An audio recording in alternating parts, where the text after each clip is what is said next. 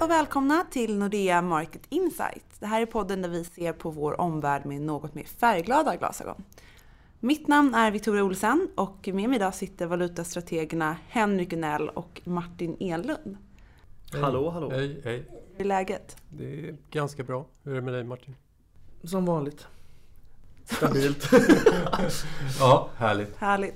Jag tänkte vi skulle börja dagens podd med några snackisar på marknaden. Det kanske inte är, känns som att det är så svårt att veta vad det snackas om. Men, men Henrik, vad är de stora grejerna? Ja, snackisar, jag tror det här är mer en spaning och det är inte det ligger kanske någon vecka tillbaka i tiden, men i alla fall, hur som helst. För ett par veckor sedan så kommenterade den eh, amerikanska finansministern Steven Mnuchin dollarns sämre utveckling, där essensen var att försvagningen av dollarn, den gynnade amerikanska exportbolag. Och den kommentaren tog marknaden som ett tecken på att mantrat A strong dollar policy var över. Strong dollar policy det är egentligen ett substanslöst trossystem som har trummats i 20 år av sittande administrationer och innebörden är att, det, att amerikanerna långsiktigt värnar om värdet på dollarn. Men alla som följer amerikansk politik, de vet ju att det där är nonsens. Men hur som helst, dollarn reagerade kraftigt på uttalandet, den försvagades alltså. Och ut ryckte de politiska leden och ECB i Europa för att uttrycka sitt missnöje eftersom konsekvensen av dollarförsvagningen blev att euron stärktes. Så kraven på rättvisa ekade, att amerikanerna fuskade med sin valuta och det skrattretande med allt det här det är ju att Europa då som genomgår en av de största stats och centralbanksfinansierade krediterna som världen någonsin skådat och ett av de största interveneringsprogrammen som någonsin sett dagens ljus. Eh, där EMU-länderna via statsobligationsköp, där företagen i Europa via företagsobligationsköp eh, helt enkelt subventioneras eh, så till den milda grad. Så att det är såklart att ängsligheten, ni fuskar, sluta med det. Det faller ju naturligtvis ganska platt. Ja, det var en. Lite gulligt. Ja, lite gulligt. Exakt. Och så tittar vi på vår egen riksbank som har devalverat kronan till oigenkännlighet. Det är klart att vi är ett sånt litet land så vi flyger under radarn för den här typen av, av just kommentarer. Men ja, det var, det var en spaning. Martin, nu sitter du och bubblar. Får jag Ja, säga en annan spaning? Ja, jag tycker du kan spana vidare. Ja, men, ja. Vi har ju haft en sån här flash crash nu då i aktiemarknaden. Och den har ju inte i någon större utsträckning smittat andra marknader ännu, såsom valutaräntemarknaden eller företagsobligationsmarknaden hittills. Men jag tänkte ändå på den dagen som kommer komma när den största bubbla vi någonsin skådat i alla tillgångsslag exploderar. Och det globala kapitalet börjar sälja in i en marknadsmiljö som helt har amputerats på sin förmåga att absorbera och hantera risk. För det var ju, förr var det ju bankernas uppgift. Men nu för tiden har bankerna inga vänner och den allmänna opinionen ifrågasätter allt som har med bank att göra och regleringar för att begränsa vår verksamhet, de står som spön i backen. Men oj, oj, oj, säger jag. När knoppar brister och bubblor spricker, då kommer man förstå att den här maginottlinjen som den här nya regelverken givit upphov till, det var ingenting annat än en fullständigt porös yta och därefter ligger vägen öppen mot de här centrala livsuppehållande organen på organismen. Och där organismen, det är vi, det är vårat bespar, våra besparingar, det är samhället i stort. Och det då blir bankernas gruvliga hämnd och pyrrusseger på det vi upplever idag. Det kanske känns lite som att vi har en, ett ny podcastavsnitt på gång, eller en podcast Det skulle vi prata om det ämnet. För vi brukar alltid återkomma till riksbankshat, Henriks riksbankshat varje ämne. Men nu känns det som att det här kanske håller på att transmogrifieras till någon slags reglerar avsky istället. Ja. Här måste vi gräva djupare. Um, Henrik är ju någonting på spåret som alltid förstås och nyligen så hände det en hel del tumult på börsen får man ju säga och um, en hel uppsjö med uh, överhetens förståsigpåare har uttryckt sitt sin förnöjsamhet med det här än så länge om man tittar på USA. Alla kommer ut och säger att det är en hälsosam korrektion. Jag håller verkligen inte med om det här. En världens viktigaste börs ska inte kunna falla 8,5% på en dag utan att någonting viktigt har hänt. Och de flesta anser ju att ingenting av vikt har hänt. Och det här är ju lite en sak som konkretiserar vad Henrik sa att det kanske är så att de här krockkuddarna i det finansiella systemet inte är så stora som man tror. Annars så borde någon aktör som tidigare hade funnits gått in och köpt börsbolag en masse om börsen kommer ner 3-4%.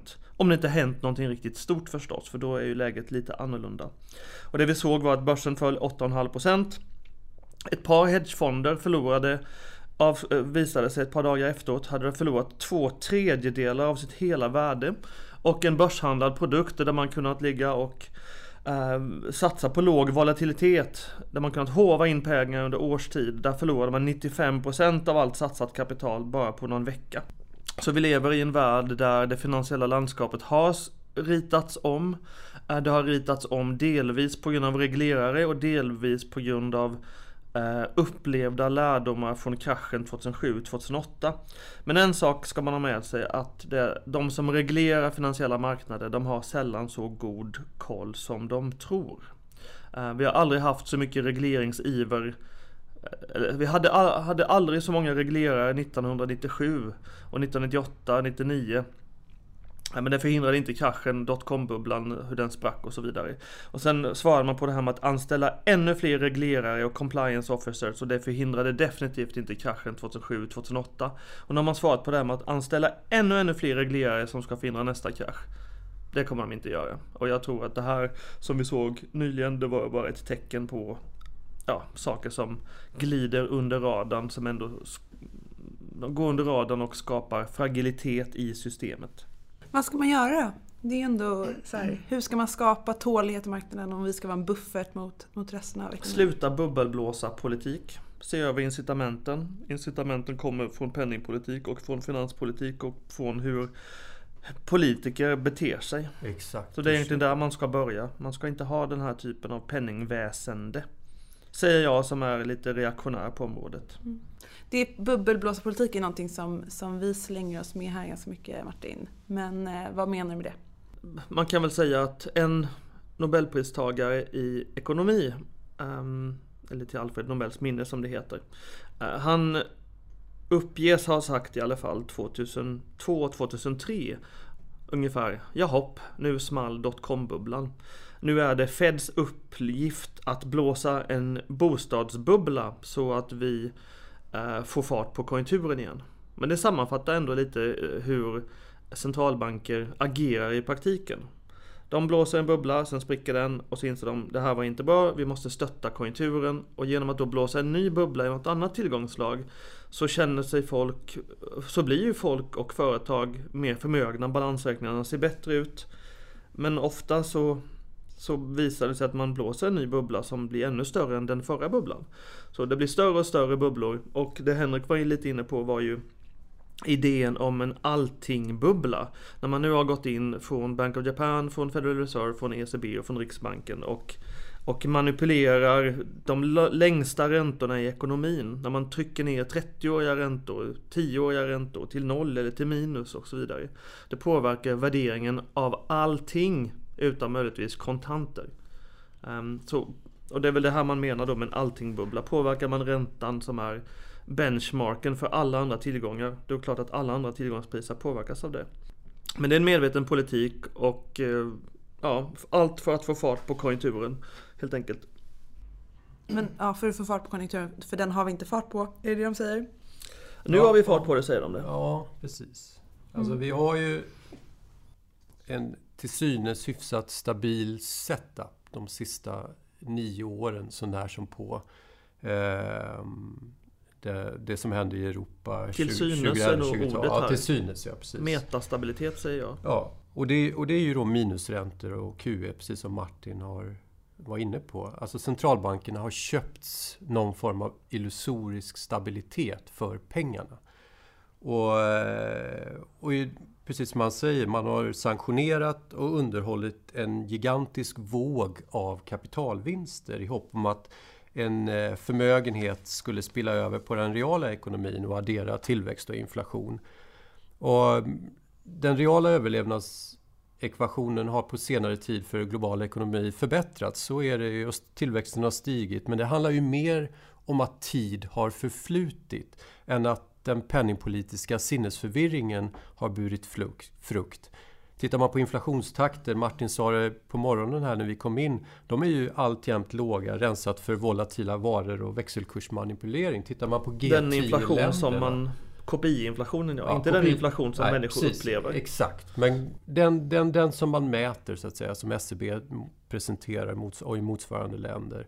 KPI-inflationen, det är ett land i, i, i Europa som har en, eh, en inflationstakt över sitt inflationsmål och det är, det är UK. Men egentligen så är det, den ju bara växelkursdriven. Så den scam som centralbankerna har orkestrerat. Med det följer en kostnad. Och det är ju just det, precis som Martin säger, det är ju att marknadspriser bestäms av centralbanken via sin penning och valutapolitik. Och det finns inte ett finansiellt instrument där inte det, att man ser spåren av det. Och det är ju helt otroligt att vi har i en liberal, på en, i en liberal plattform, frihetstörstande västvärld, så går vi med på den här anti liberala manipuleringen och socialiseringen av marknaden. Och det är ingen som säger någonting. Nu svär du i kyrkan, som sitter Henrik. och skriker i, i våran podd om att krav på rättvisa. Men vad fasiken, det är ju ingen annan som gör det. Så Antingen så, så kan man inte sin bastiat.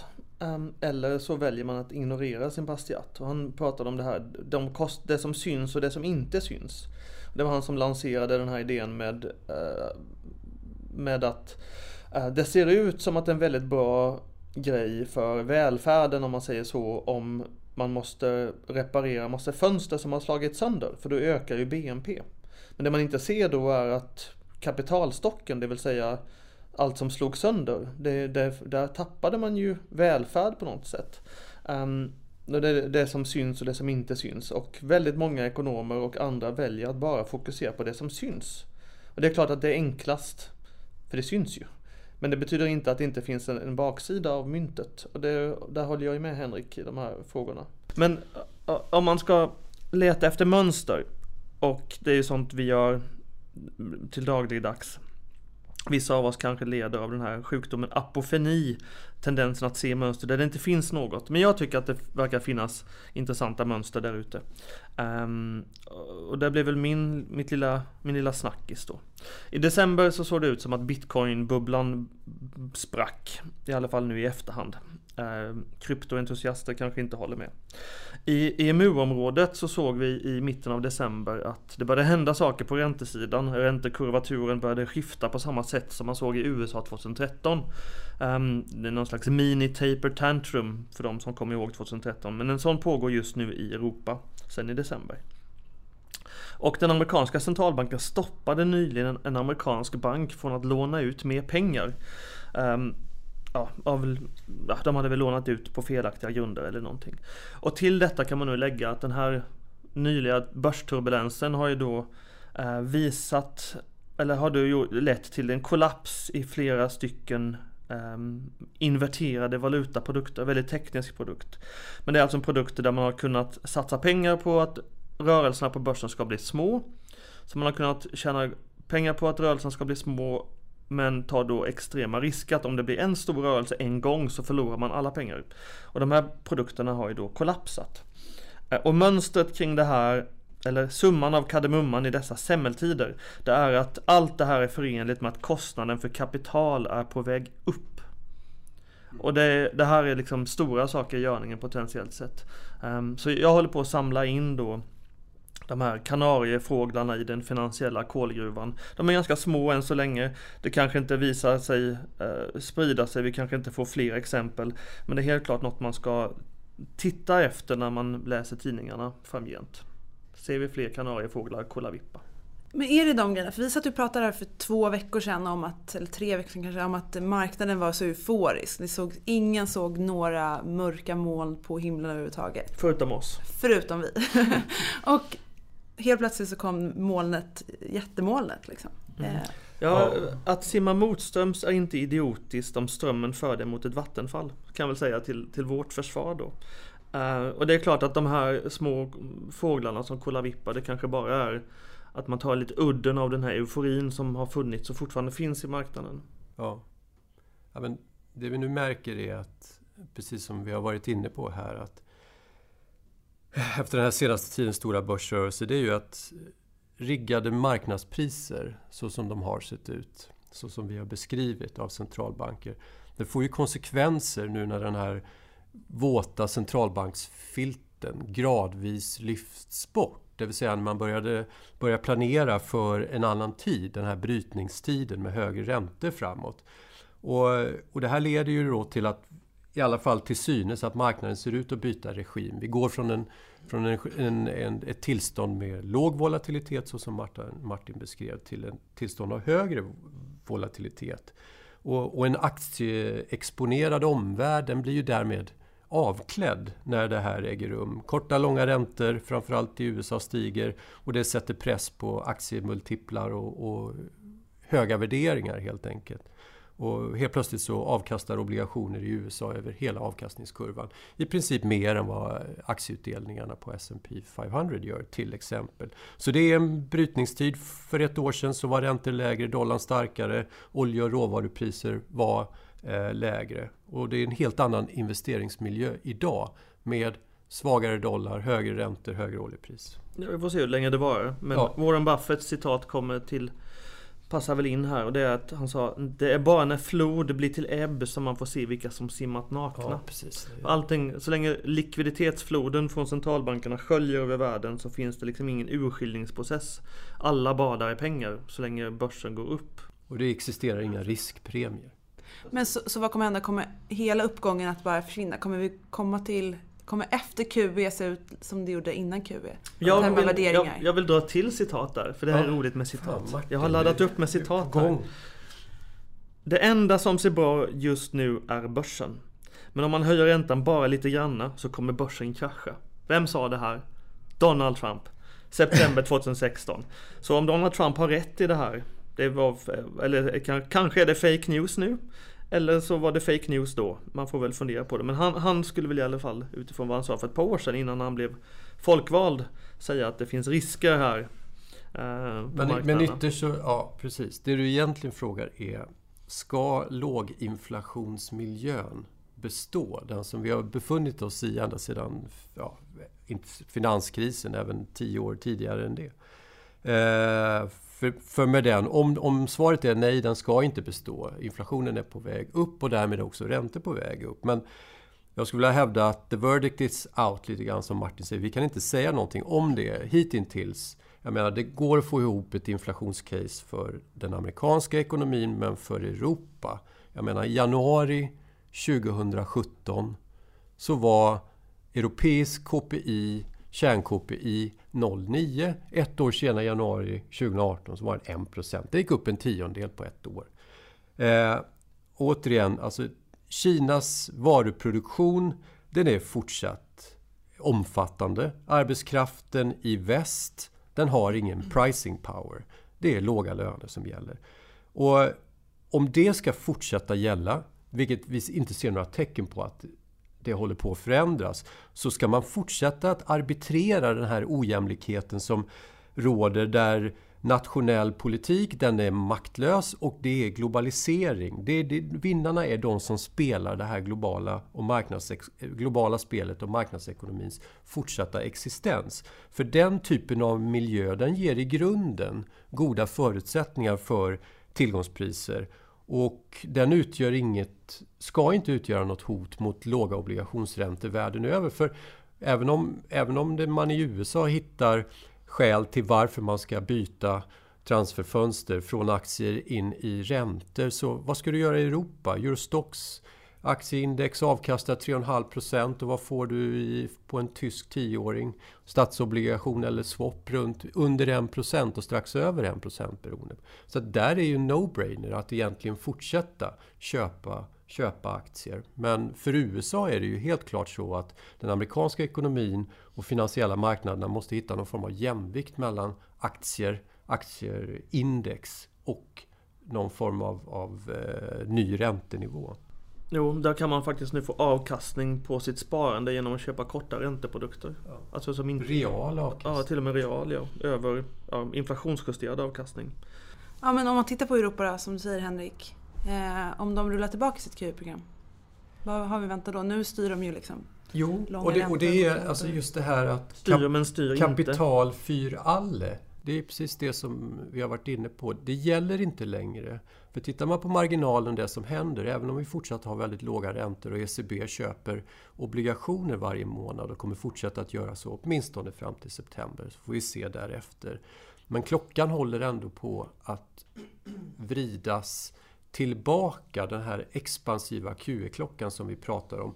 Och det senaste exemplet på det var gårdagens räntebesked från Bank of England. De, de höjde inte räntan förvisso, men de var ändå mer de formulerade sig på ett mer hökaktigt sätt, det vill säga skickade signalen om att vi kommer att, att eh, göra precis som de andra anglosaxiska centralbankerna, Bank of Canada, Bank of, Bank of USA. Där ignorerar vi Fett. Australien och Ja, precis, Nya Zeeland. vi i och för sig. Men de tror jag ligger näst på tur, kanske. Mm, kanske. Ja, men i alla fall att... att eh, och, det, och det är lite grann tidens tecken. Man, återigen, man hittade någon form av svepskär. Man är inte nöjd med att ha 50 punkter i styrränta i det här läget i konjunkturen. Riksbanken har inte fattat någonting än.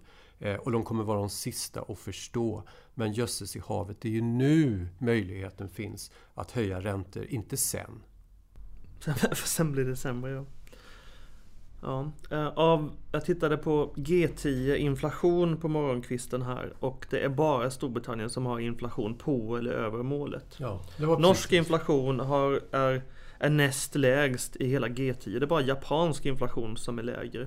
Så inflationen, ja, det har inte hänt så mycket där som marknaden har fått för sig.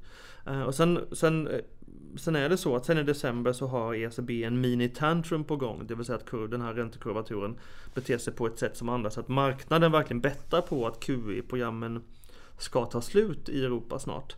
Men där ser man också ett litet tecken på att ECB faktiskt försöker intervenera bort den här utvecklingen. För det har gått ganska fort för dem. Euron har blivit lite stark och Draghi använde nyligen eh, ett, ett lite skarpare ord i hur han ser på prisstabilitetsriskerna. Det är någonting de följer noga. Innan följde de bara eller, utvecklingen. Så, så där ser man, eh, det ser ut lite som att ECB har börjat reagera mot eurostyrka och mot eh, ränteuppgången och att det är också det som har bidragit till att stoppa euron eller stoppa dollarfallet. Utöver de här eh, Henrik-spaningarna om att, eh, om att ECB har reagerat mot att, att USA försöker underminera sin valuta. Eh, Men det är också någonting som man har tänkt från marknadens sida att hur gör man USA great again? Jo, man får en svag dollar. Och det har han ju lyckats med, Trumpen. Jag tror vi får sluta där. Tack snälla till ni som har lyssnat. Tack till Henrik. Tack till Martin. Vi hörs snart igen och eh, tills dess så finner ni oss och våra kollegor på imarkets.nordea.com. Tack till alla som lyssnar. Tack! Hej! Hej!